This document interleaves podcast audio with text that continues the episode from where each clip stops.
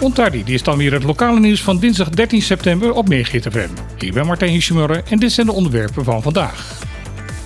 Gisteren meldden wij dat bij de minister van Binnenlandse Zaken en Koninkrijksrelaties een klacht is ingediend tegen het pensioenfonds voor Caribisch Nederland. In de klacht verwijt een projectontwikkelaar op Sint-Eustatius het PCN onrechtmatig handelen.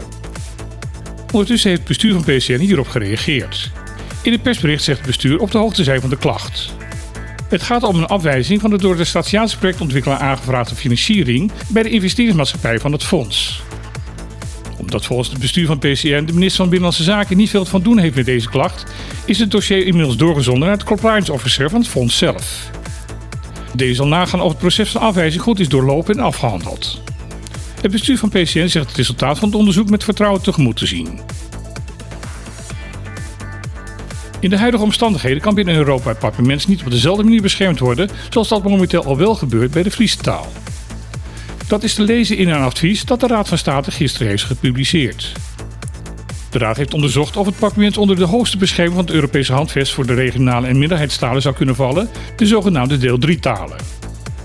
Daarvoor moet Nederland kunnen aantonen dat er minimaal aan 35 voorwaarden en maatregelen worden voldaan die in deel 3 van het handvest worden genoemd. Dit aantal wordt al diverse jaren wel gehaald voor de Friese taal, maar nu blijkt niet voor het papiermens. De Nederlandse regering zou extra regel en wetgeving moeten gaan doorvoeren voor het papiermens en lijkt daar volgens de Raad van State vooralsnog niet toe bereid. Volgens de Raad kan Nederland al wel het papiermens onder de bescherming brengen van de talen die onder deel 2 van het Europese handvest vallen. Daar vallen in Nederland nu al het Limburgs, het Neder-Saxisch, het Jirisch en het Romanus onder. In het persbericht heeft Tourist Corporation Bonaire de samenwerking aangekondigd met Condé Nast Traveler. Met ruim 8 miljoen volgers op social media en 3 miljoen abonnees op geprinte publicaties van de organisatie is Condé Nast Traveler een grote partij als het gaat om het verspreiden van reisverhalen.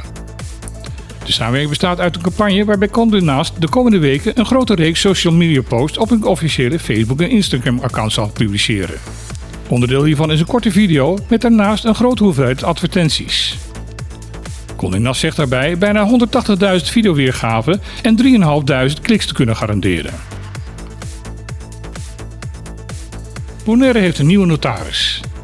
Na het vorig jaar aangekondigde vertrek van notaris Annick Schouten was de vraag wie haar zou gaan opvolgen. Dat is nu de 55-jarige Robin Rispens geworden.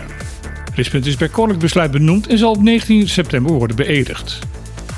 Hij heeft al een jaar als kandidaat-notaris op het kantoor van Schouten meegewerkt. Rispens werd in 2005 benoemd als notaris in het Friese Gorredijk. Na 16 jaar daar gewerkt te hebben, besloot hij naar Bonaire te verhuizen. De vertrekkende Annick Schouten is ervan overtuigd dat Rispens de aangewezen persoon is om de leiding van op Bonaire over te nemen. Dit was het lokale nieuws van vandaag op Megahit FM. We wensen u nog een hele fijne dag en graag weer tot morgen.